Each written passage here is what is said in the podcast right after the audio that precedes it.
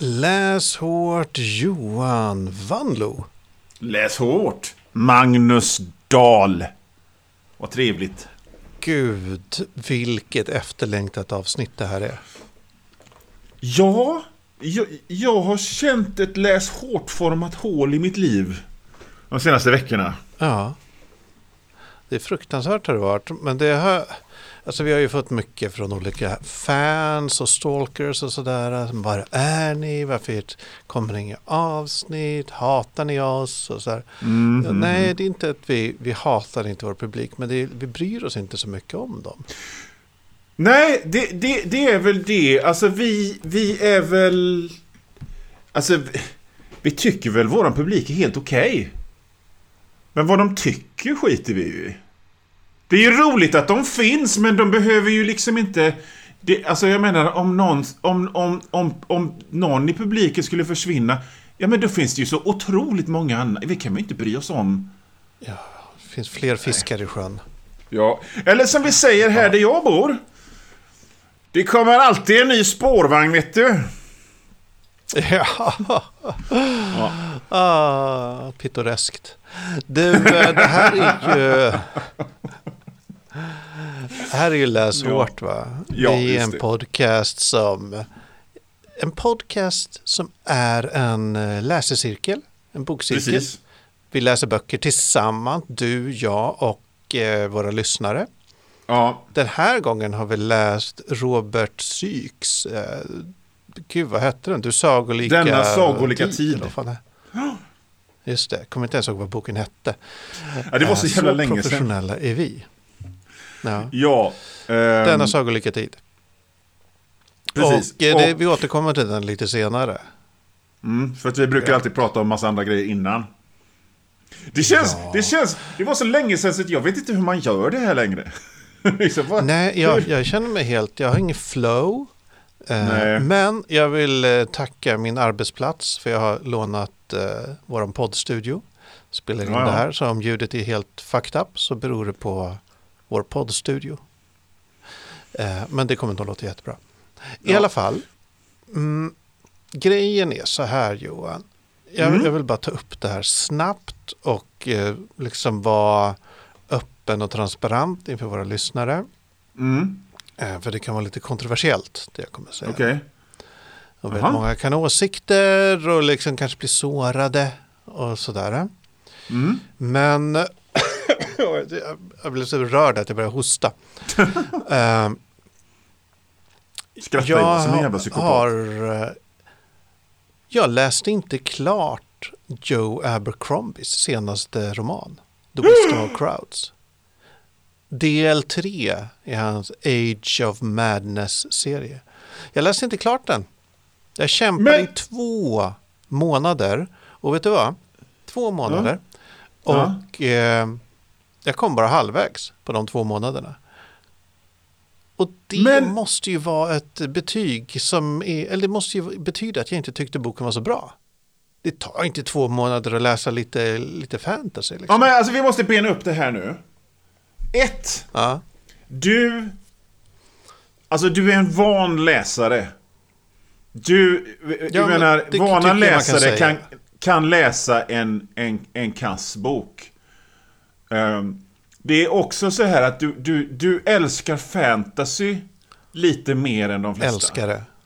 Ja. Lite och, mer. Och, och det är väl så här att du är ett stort Joe Abercrombie-fan va? Alltså jag har ju läst nästan allt han har skrivit. ja, gillat och det är ju ganska mycket. Applåderat har jag gjort. nu- Jag har suttit i soffan och hurrat när jag läst. Ja. Och, Och då, jag läste de två första delarna i det här, hans nya trilogi. Age Ja. of Madness. Ja. Men eh, det var något som saknades här i del 3. Jag kom inte vidare. Men, men... Det är också Och så här har att det ju aldrig hänt nästan att jag... Ja, vad, vad, vad ville du säga? Nej men alltså jag menar det kan ju hända saker i livet va? Som gör att man inte kan läsa. Ja, Men då brukar det ofta vara så att man, om man har en bra författare och inte kan läsa den här Ja. boken. Då, de, här, de, här, de här stressiga stunderna i livet, då längtar man ju dit oftast. Men du har alltså, du har alltså inte Men- läst färdigt? Det är ju helt, det är ju en sensation. Jag skriver detta på Twitter Alltså nu. det, jag vet inte. Jag vet inte när jag övergav en bok av en favoritförfattare liksom mitt i.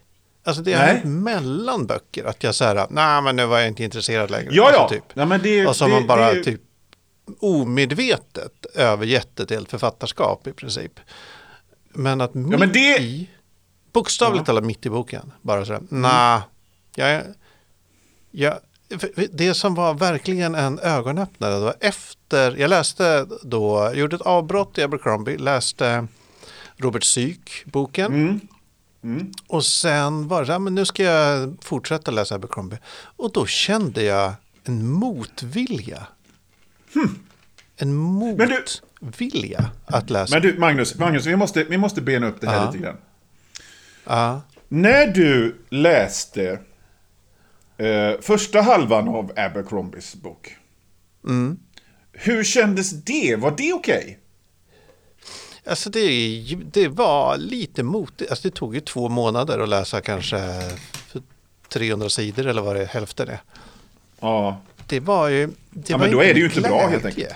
Jag hoppade in i det. Nej. Nej, det var nog inte bra. Det är nog där, det, det är, Joe Abercrombie har blivit dålig. Herregud, alltså det är ju faktiskt... Nu har, jag säger som det är. Han, har blivit, han är inte en bra författare längre. Han är passé. Då nu Ja. vill jag att ni alla lyssnare tar med er det här, den här. Ni har hört det först här. Han är passé. Så ni kan bara sluta läsa honom. Ja, men alltså, för jag, jag har ju aldrig läst eh, Abercrombie. Men jag vet ju att han är uppskattad och jag vet ju att du uppskattar honom. Men kan du sätta Mm. fingret på vad det var? Vad det var som Mm. var motigt plötsligt? En stark känsla av att jag inte brydde mig om karaktärerna. Mm. Alltså jag, jag, jag kom fram till, eller det, det, är, det, det är nog där det handlar om. Det har varit lite, lite svajigt med mitt engagemang i, i karaktärerna genom liksom de två första delarna. Men där har ändå fun, det har liksom funkat och man kört på av någon sorts lojalitet kanske och det har ändå varit man fick mer ut av det än man investerade så att säga. Det var en plusdeal. Mm. Men plockade upp nu den här boken, började läsa och den, en akut känsla av att jag skiter i hur det går för de här. Mm. Det spelar ingen roll. Det är De ju kan dö allihop, faktiskt... de kan eh, leva allihop. det är faktiskt ganska... Alltså för att jag menar... Jag är av den övertygelsen att, att, liksom att ha husgudar, att, att, att det är bra att vara ett fan. Men man ska samtidigt kunna släppa sitt, sin fandom bara direkt. Jag menar, jag har kompisar som... Eh, som de, så fort Brian Wilson har rapat i en mikrofon så ska de ha det på vinyl. Eh, och jag, jag, jag förstår inte det där, men det har aldrig hänt mig i, i, i att en författare jag gillar, eh, att jag har släppt den i mitten av en bok. Men däremot, som du säger, mellan böcker. Jag, jag har pratat om det här i, i podden om hur jag hur jag, efter att ha läst typ den tolfte boken i Dresden-serien av Jim Butcher kände Nej, vet du vad? Det här var bra, eh, men jag behöver aldrig läsa eh, en bok av Jim Butcher någonsin mer. Men då, då, då ska man också på, på, behöver jag också påpeka att jag menar, jag har aldrig riktigt gillat Jim Butcher 100%. Det har alltid varit bitar som jag har liksom himlat med ögonen åt och bara tyckt åh! Fan vad töntigt det här är, men det är samtidigt så här liksom, nej, det, det är ja, helt och Bra, bra bladvändarspänning. Eh, och, och Ja. likadant, jag har ju pratat om Lee Child och, och Reacher. Och jag känner liksom att nu har jag läst typ 11 Reacher-böcker, jag behöver aldrig läsa någon mer, men ja, det, det är ganska naturligt, men bara, det här är ändå, fan, det kommer bli en, det kommer bli en snackis det här, eh, Magnus, tror jag. Det tror jag. Om, eh, alltså kultursidorna ju, de får ju höra av sig om de vill prata mer om det här såklart. Eh, och, men alla läshårtare, ni kan ju bara joina vår signal chatt. Jag lägger upp en länk i, i shownotesen Ja. och säga vad ni tycker om Joe Abercrombie eller vilka författarskap ni har övergett. Hur Ja. många har ni? Det, det är... Oftast är det liksom inte en aktiv handling att man slutar läsa en författare. Det är bara något som händer. ja, precis. Eh, en annan Ja, grej ja, som men- händer tycker men jag Johan- är... Ja, Jag vill bara säga, alltså jag läste en eh, författare som heter Don Winslow, han skrev krim. Och så läste jag en bok som heter Savages av honom, jag tror jag pratat om den förut, den var fantastisk. Och så läste jag två böcker till av bara farten, och de var kassa båda två.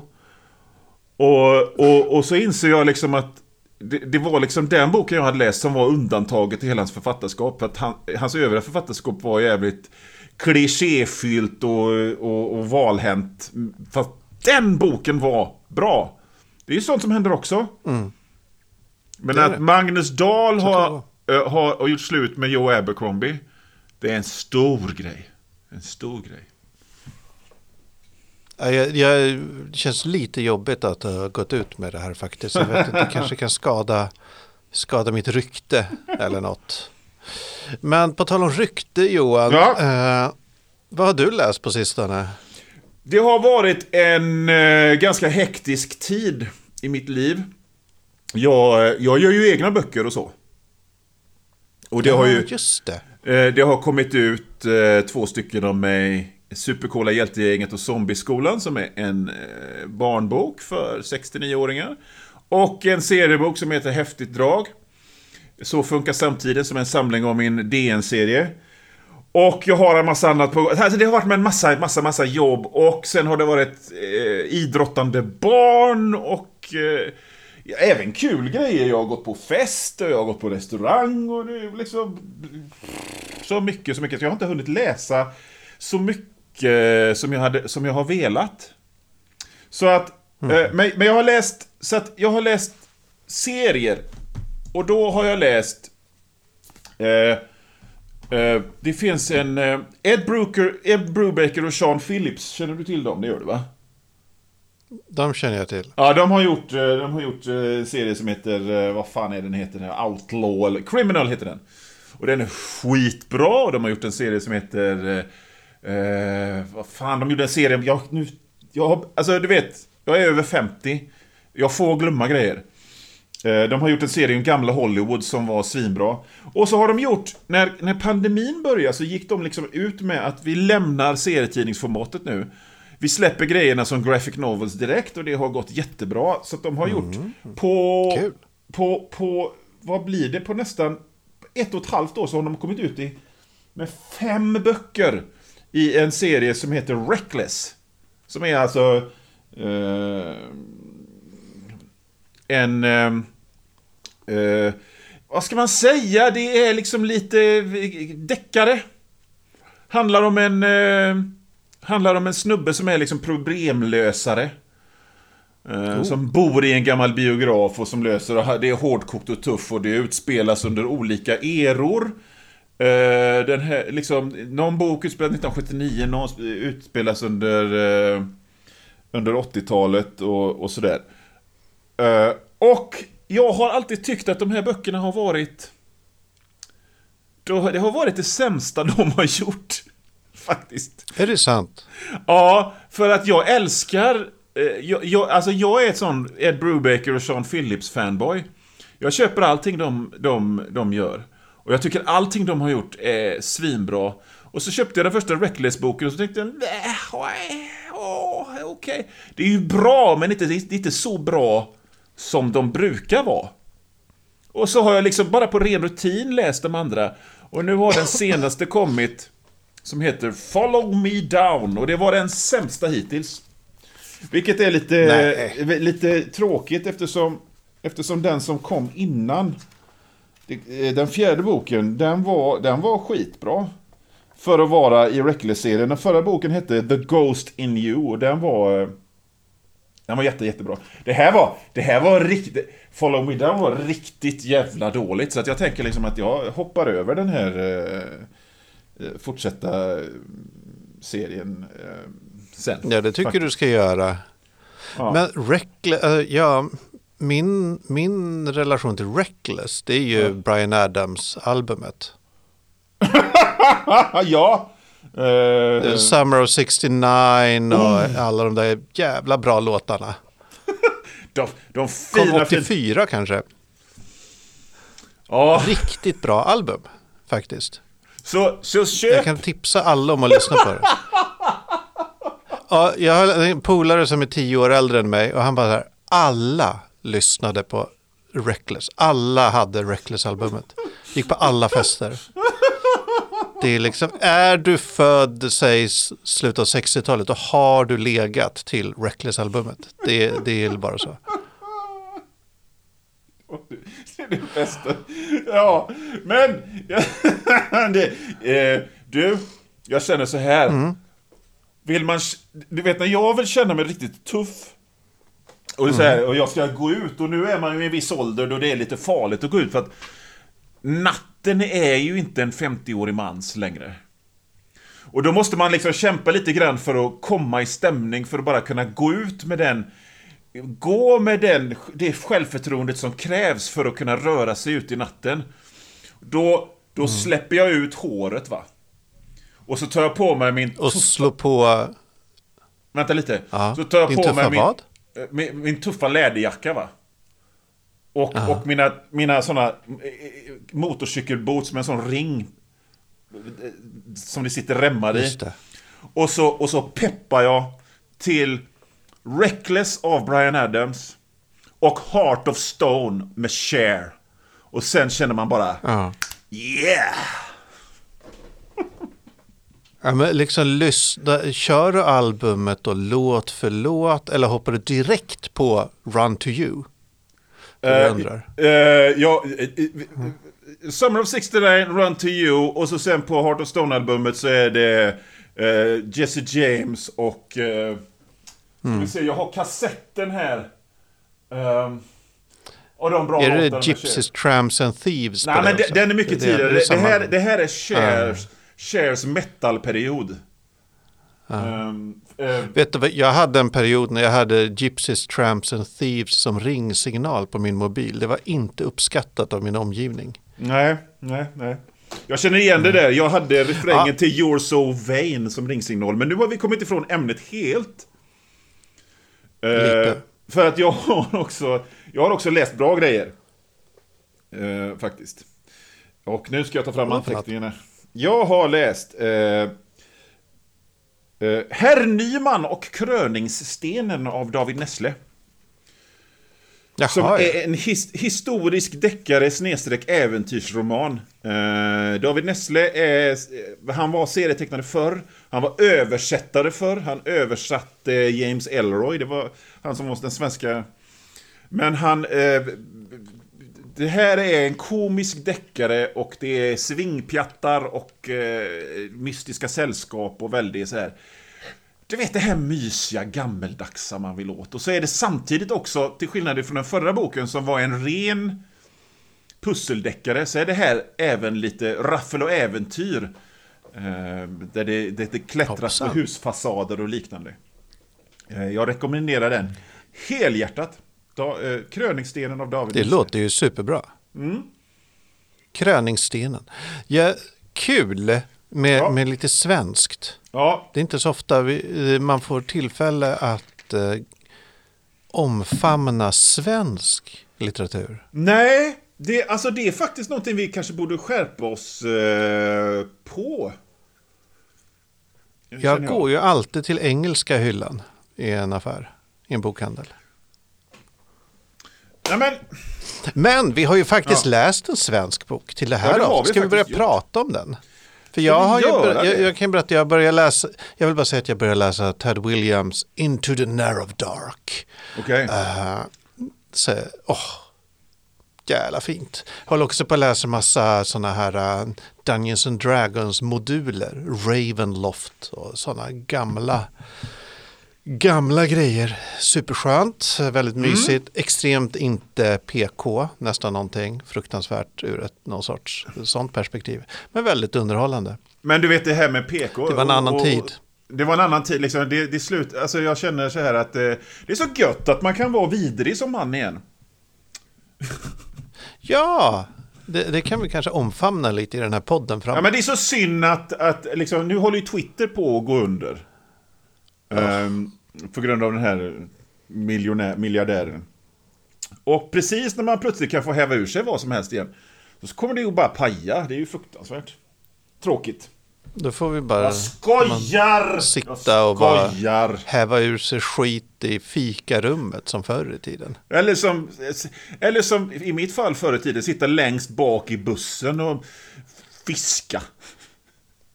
Ja, Jag skojar! det, Jag sk- det är Alla ganska deppigt, det är det. Men eh, du Johan, vi läste ju den här svenska postapokalyptiska boken. ja, jag vill bara fråga dig, hur fick du Ja. nys på den? Det ska jag berätta för dig. Ja.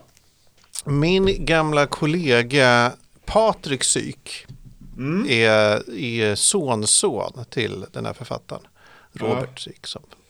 Och eh, vid något tillfälle på just Twitter så eh, nämnde han för mig att eh, ja, du funderar på att läsa den här boken, ungefär så. Mm. Eh, och sen då sa jag, nej det har vi inte funderat på, men jag visste inte att den fanns överhuvudtaget. Nej, för den är Sen, ganska... den, ja, sen har det gått kanske ett år och sen kom jag på, fan det vore kul att, kul att läsa den. Ja. Eh, och på den vägen är det, liksom svensk, svensk apokalyps från 1984, eller när den är. Eh, så det är superkul. Ja. Och eh, på, ja, lite kuriosa. Mm. Författaren Robert Syk, han är ju död numera. Mm. Men har efterlämnat sig ett stort antal permar med maskinskrivna liksom, dagboksanteckningar, en me- memoar typ så. Som då min gamla kollega har på vinden. Och jag tycker, har man, om man har en, en släkting som efterlämnat sig massa texter, Ja. då måste man göra något med det. Det är liksom lag på det. Ja, ja. Tänk om det blir en vattenskada. Ja men det Börjar brinna, då är det här borta. Någonstans, det tycker jag. Digitalisera det. Digitalisera det. Om man kunde skapa, man skulle liksom... Fan. Visste inte Robert Syk vad fanzines var liksom? Det är ju sånt man ska stencilera i 20x. Det finns det alltid någon som har kvar det liksom.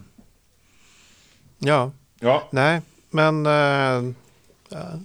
så eh, om du lyssnar på det här, eh, Patrik Syk, digitalisera de här pärmarna med maskinskrivna eh, memoarer. Ja. För eftervärlden. Gör det bara. Det går att lämna in. Man behöver inte göra det själv, bara lämna in till någon.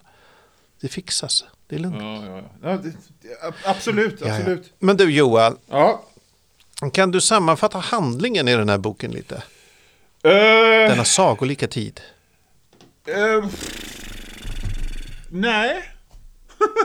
alltså, Nej? det handlar om en... Det är en kille som bor på landet och har det bra. Och så, och så, och så faller Sveriges... Han, han drömmer om att bli astronaut. För det, alltså, jag trodde att detta skulle vara... Man tror ju gärna det när det pratas om postapokaly- postapokalyps. Att det ska vara SF. Lite. SF-anstruket, men det är det inte riktigt. Det är det inte alls i den här boken nästan. Mer än att det nämns någonting Nej, det om något li- rymdprogram. eh, som han, som han Som vill kan ha varit en bluff allting. Ja. Och, Och det och var ju så- bara och en bluff. Det existerade Ja. inte.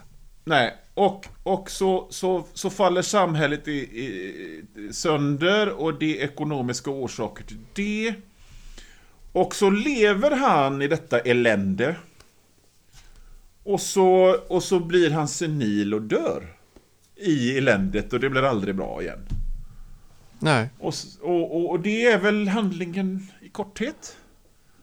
Alltså det är en apokalyps som påminner, alltså det är mer första Mad Max-filmen än Ja. andra Mad Max-filmen. Ja, exakt. Det är liksom det här att samhället långsamt kantrar.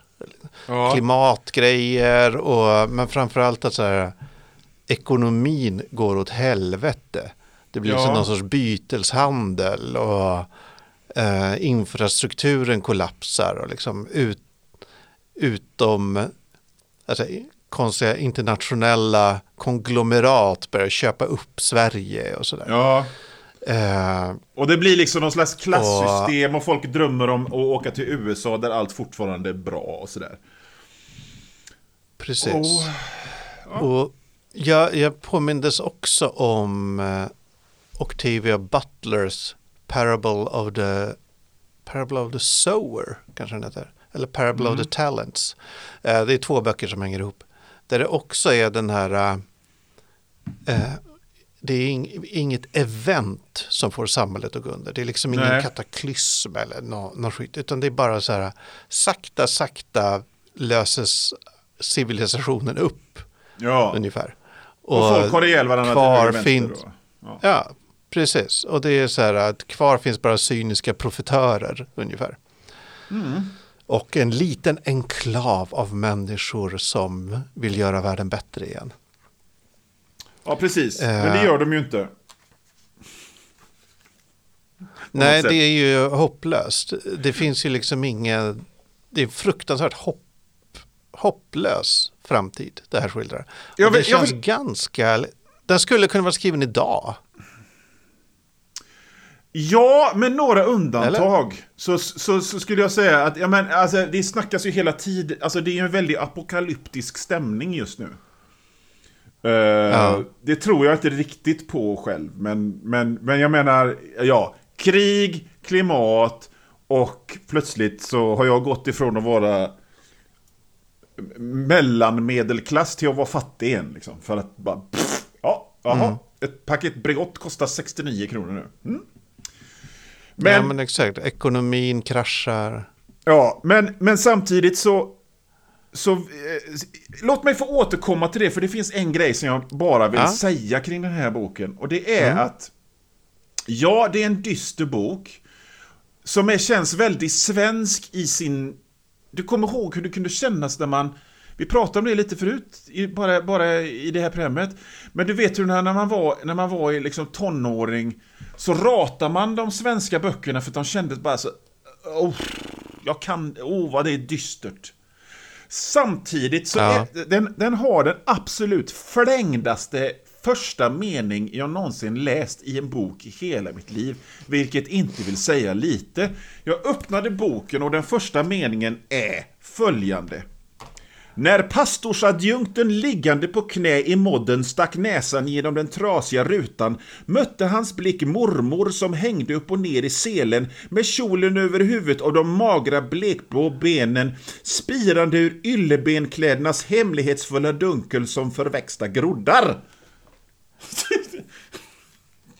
Det är jättekonstig mening. Alltså det är en stor jävla Ja, jag håller vägg. Jag- av ord i, i liksom en början av en ord.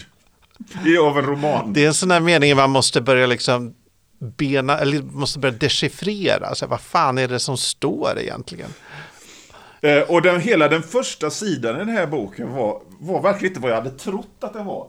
Hela den första sidan. Sen, sen vänjer man sig och sen så slutar han att skriva på det här sättet. Men, men det är Ja, ju... det är ett väldigt konstigt, för det är, he, ja men precis, den första sidan är, den är tung att läsa. Ja, Men, men sen, det är som att han, bara hade ett formexperiment där i början och sen körde Ja. vidare med, med sig, "Nej, jag orkar inte skriva så här länge, nu skriver jag bara som jag känner för.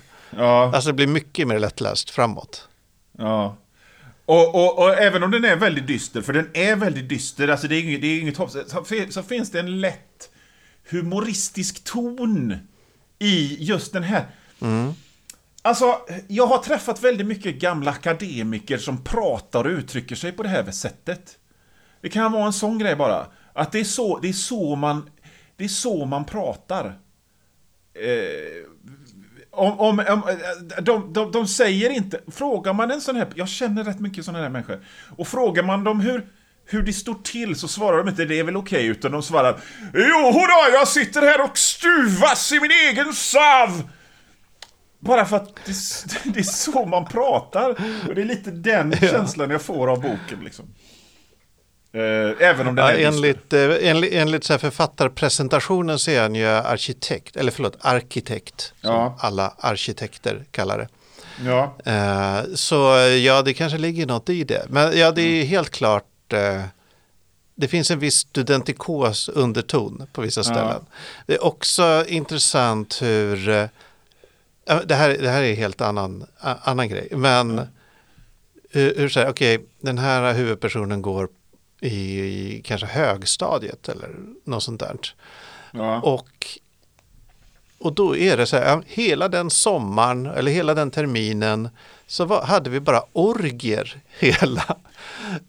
Alltså att det är, eller gymna- ja, att det är så här, det finns en väldigt sexualiserande av, eh, av liksom tonårstiden. Du, jag, ville, jag skrev nämligen upp det här för att jag, jag, jag, skrev, jag skrev ordet sexuell frigörelse? Frågetecken. För att eh, det är, oj vad det knullas. Och, och det är frimodigt att folk är nakna. Och jag tänker, är det något slags... Är det så det är i framtiden, trodde Robert Syk på 80-talet? Ja, för bara- samtidigt när huvudpersonen har sina liksom, eh, orgier med klasskamrater Ja. så då är det ju typ så här eh, kanske början av 90-talet eller något sånt. Jag kommer inte Ja. ihåg exakt när det utspelar sig. Eh, men det var ja, i och för sig lite framtiden jämfört med när det skrevs. Mm. Men jag, eh, jag hade ju inte den typen av eh, skolgång, att det var så mycket orgier och, Nej. och liksom eh, Inte jag heller. nuppa så att säga. Men det är kanske därför Men jag känner ju folk som verkligen haft, nej men som haft den typen av så här, gymnasietid eller högstadietid. Att det bara, Ja. ja. nej men vi låg allihop, vi hade så här hus, övergivet hus i skogen och där träffades vi efter skolan och knullade.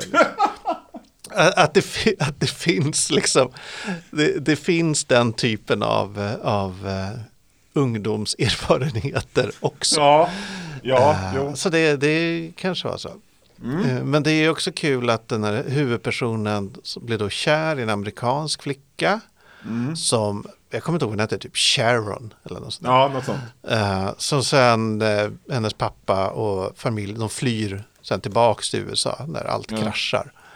Men att han då går och fantiserar om henne hela sitt liv. Ja. Ända upp till dödagar. Ja. Boken slutar ju med att han fantiserar att han går upp till liksom huset där hon bodde som ung och att liksom ringer på dörren och sen typ dör han. Men att, Mm. att det är en så kon konstig... Jag förstår inte liksom vad det är, vad det är han som försöker sägas med det. Men, men det är ju... Eller är det bara att så här, ungdomskärlekar aldrig bleknar Alltså, riktigt? Eller? Ja, och det, det är ju dumheter, vet man ju. Men jag, alltså det där kan man ju säga om hela boken för att eh, den har liksom ingen röd tråd överhuvudtaget egentligen. Det är bara att han, han, den här personen som inte är speciellt intressant, han comes of age samtidigt som samhället kollapsar. Och så är samhället kollapsat. Och så blir han äldre. Och så kommer han till någon gård och samhället är kollapsat. Och det, det, det är... Så här, jag kan inte sätta mig in i vad Robert Syk ville med den här boken, men det känns som att det fanns mest av allt något slags... Någon slags... Dels någon slags politisk filosofisk tanke. Men... Eh, och någon slags vilja bara av att skriva. För det finns ingen historia han vill berätta. Förstår du vad jag menar? Tycker du det stämmer? Nej, möjligen vill han väl berätta ja, men del, ja, men så här, om farorna han ser. Ja. Alltså typ eh, miljökatastrof, eh, att eh, Sverige blir allt mer belånat, beroende av utländska makter på mycket, i mycket högre grad än liksom under välfärdsåren. ja. Ehm, det finns ju något där, men jag, jag, ska man se... Alltså det finns ju något hopp i den då. Alltså, ja. I det att samhället kollapsar, utländska intressenter går ut och börjar bryta uran i Skåne, eller vad sjutton de gör. Vet, Och liksom, eh, det blir liksom någon sorts, så här, vad heter det, livegenskap. Liv, Ja. Att man blir livegen som arbetare. Ja, precis. Eh, och det, allt går bara åt helvete liksom.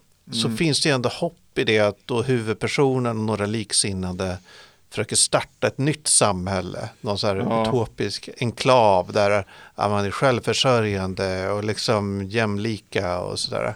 Ja. Eh, men så det finns ju alltså det finns någon, att det finns folk som vill göra gott. Men Mm. det finns ju också något positivt i att i de här, eh, jag höll på att säga megacities, men liksom i arbetslägren där, där folk bryter uran, så börjar det skapas liksom embryon till fackföreningar och liksom eh, folk står upp mot eh, eh, de här eh, brutala fascistiska eh, personerna som styr allt. ja. Och så, det finns knullar ju de ju lite också. så här, det finns ju något, ja det är mycket ligga, Mm. det är det. Och eh, fantisera om att ligga och sådär. Mm. Eh, men det finns ju något, alltså det finns ju någon tanke om att människor ändå liksom vill göra det bättre för varandra om de får möjlighet. Inte vill leva som företagsslavar. Jo, jo. Eh, alltså jag satt... Nu, jag, jag har så dålig koll. Jag har levt ett liv av serietidningar och skräckfilmer och eh, science fiction-böcker. Men fanns det någon slags... Jag blir inte klok. Är det någon slags sossekritik i botten på den här boken? Det var ju väldigt vanligt på den tiden förstod jag. Liksom att det var någon slags... Eh, Mm. Palmedum. Alltså... Så det finns ju ett, speciellt i första delen så är det ju ett jäkla politikerförakt. Ja. Att eh, politikerna liksom, så fort de får chansen så flyr de landet. Mm. Så fort de anar att något saker kommer gå till helvete så eh, drar de och Mm. liksom mutar sig till USA och sådär. Eh, så det är ja, någon sorts politikerförakt finns ju. Men det finns ju också ett, ett folkligt förakt. Så jag tänker huvudpersonens mamma och pappa som är så här eh, helt indoktrinerade av eh, media och liksom saker som populistiska politiker säger. Ja. Att de typ, ja men de tror inte riktigt på miljökatastrofen som kommer och liksom sådana saker och allt kommer lösa sig. Eh, trots att allt pekar mot att det inte ska göra det. Ja. Eh, Så det är, det, det är lite en misantropisk syn på det mesta egentligen. Utom tonårstidens eh, orgier. Ja, precis. Tonårstidens morgonstånd. Men jag, alltså, man kan ju få intrycket när vi pratar om den här boken nu att den, oh, den är så profetisk. Oh, den säger någonting om vår tid. Men jag tänkte väldigt ofta när jag läste den här boken att Alltså jag är ju så pass gammal och, på, och snälla, om jag, om jag säger en enda gång till om hur gammal jag är så, så, så åk hit till Göteborg och ge mig en klapp på käften för jag måste sluta med det. Ja. Men i alla fall, jag minns ju 1984. Jag var ju barn då. Så för mig är det liksom inga konstigheter med 80-talet och det ena och det andra. Men jag blir alltid väldigt överraskad när jag ser bilder ifrån 80-talet eller läser böcker från 80-talet. Att åh herre jävlar vad länge sedan det är. Det, det, det, känns som det är 50-talet liksom. Jag, jag menar, jag, det slogs mig, det slog mig Alltså allra har mest- du, har du sett några... Ja, förlåt, fortsätt. Ja, nej, men det slog mig när jag läste Filters eh, reportage om Skandiamannen. För jag minns Ja. när liksom, jag minns som igår när Palme blev skjuten. Och så då, så för några år sedan så, så öppnade jag Filter och så var det bilder från 1986 och jag blev bara helt chockad. Men herregud. Det ser ju ut som 1966, det är så otroligt gammeldags. Och det är, den här boken känns väldigt gammeldags. Och just det här att jag, jag misstänker att han försöker få den att kännas future. Alltså när, när de försökte få det att kännas future i Judge Dredd så byggde de stora fallosliknande jättestäder. I den här boken så är det dels Ja. det eviga sexet och jag gissar också det här med svordomar, att det är tufft att svära. För att det, det känns lite grann som att ja men i framtiden då har vi släppt alla normer, då svär folk hela tiden för att det är bara en, en replik jag skrev ner var Din jävla jävel! Det, och sen en annan replik som jag skrev ner var Stå still din jävel! Annars pepprar jag dig full med bly! Det, ja. så, så, så, att, så att den känns ja. liksom När man pratar om den så här så känns Så kan man ju förledas och tro att oh, den är profet Nej, nej, inte ett dugg. Den känns oerhört gammaldags. Men jag är ändå glad att jag läste den. Ja, både och jag tycker både och. Eh, först skulle jag vilja säga, apropå att 80-talet känns lång, var länge sedan. Ja. Har du liksom lyssnat eller sett eh, typ eh, dokumentära, alltså dokumentärfilm eller nyhetsklipp från den tiden. Ja. Alltså typ från en skolgård eller arbetsplats eller whatever. Ja. Och hur folk pratade. Ja, precis. Alltså, man går till en vanlig skolgård, ja. intervjuar ungdomar om, fan vet jag, mobbing eller något det är liksom ett helt annat språk. Ja, ja, ja. ja. Det är liksom för det första inga engelska låneord. Nej, nej, nej. Alltså i princip ingenting. Det är, det är faktiskt väldigt fascinerande att bara se hur det förändras. Jag såg på, något klipp liksom ifrån eh, Slagerfestivalen. När Carola vann. Mm. Och det menar jag, återigen, jag såg ju det när det sändes. Men när jag såg den här YouTube-klippet eller vad det var så var det också så här. Jag ser att du har en bok med dig. Ja, det är Guds ord. Alltså. Det är som husmorsfilmer ja. liksom. Det är jätteroligt. Ja, ja. det, så, en viss, det är formellt. Ja. Även liksom vardagligt tal är formellt, känns formellt på ett sätt som eh, vi inte pratar idag. Ja, jag menar, jo men profetisk eller inte, ja, det finns vissa saker i den som jag faktiskt tycker är där, där det känns som man verkligen har fingret på pulsen mm. eller fingret i vinden eller vad fan man säger. Och det är ju ja, men just ta, liksom taken att det inte kommer vara en enskild sak som orsakar. Nej, nej. Att det är, det är miljö, det är ekonomi främst mm. och eh, teknologi också. Mm eh, som tillsammans liksom sänker samhället. Och det, jag vet inte heller om, jag tror inte heller vårt samhälle kommer gå under inom, på, på närmsta tiden. Men det finns ändå, man ser ju samma tendenser, klimatet anhopar, ja, ja. det blir liksom det skapar de här förutsättningarna för olika galningar runt om i världen, ekonomin, tankar och så vidare. Jo, jo. Eh, så det, det finns ju en, en analys tycker jag som håller. Absolut. Eh, och en, eh, det fanns, finns ett citat i boken, eller en spaning, eller, något han säger, är så här att eh, huvudpersonen är född typ 82 eller något sånt där.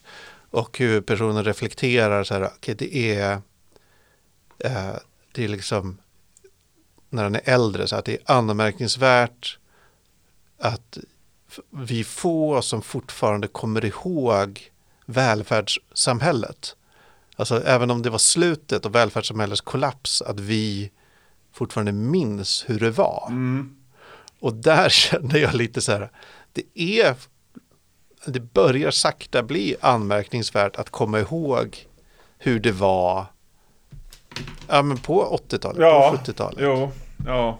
Alltså att det var verkligen ett annat samhälle som fungerade på ett annat sätt, som hade en helt annan trygghet och liksom det fanns en framåt, eller framåtande fel, men liksom en positiv syn på framtiden. Ja, ja det... Som man kan inte se just i den här boken, men i mycket annan liksom sci-fi från ja, innan 80-talet så finns det ju någon sorts så här, ja, kanske framförallt innan, innan 70-talet. Eh, jag menar att framtiden är ljus, teknologin kommer rädda oss. Ja.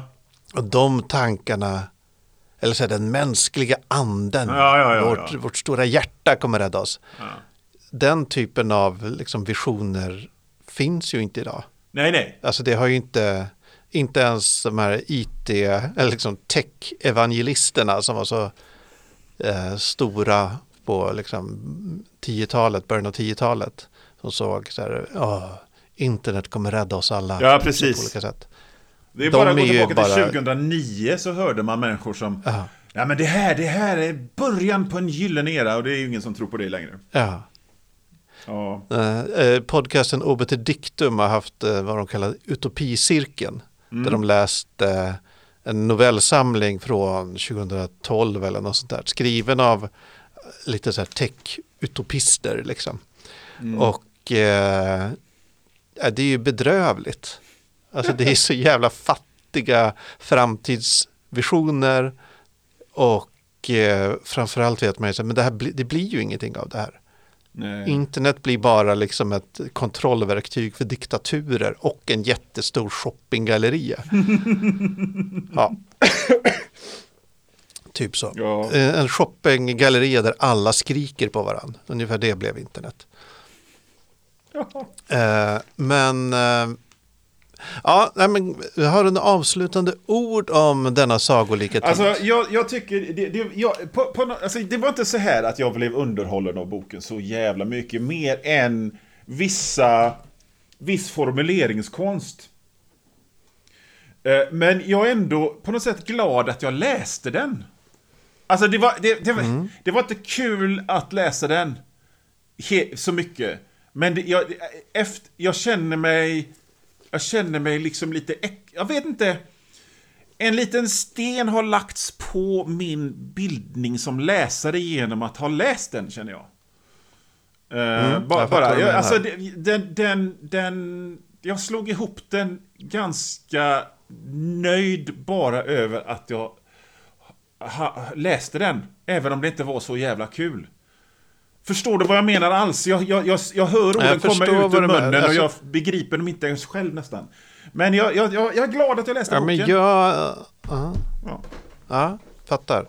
Alltså jag, jag hade ändå, jag tror jag hade mer kul än Ja. vad du hade. Jag tyckte den var bättre än vad du tyckte. Mm. Uh, alltså, det, den kommer inte in på min topp 10-lista av Nej, nej. böcker genom tiderna.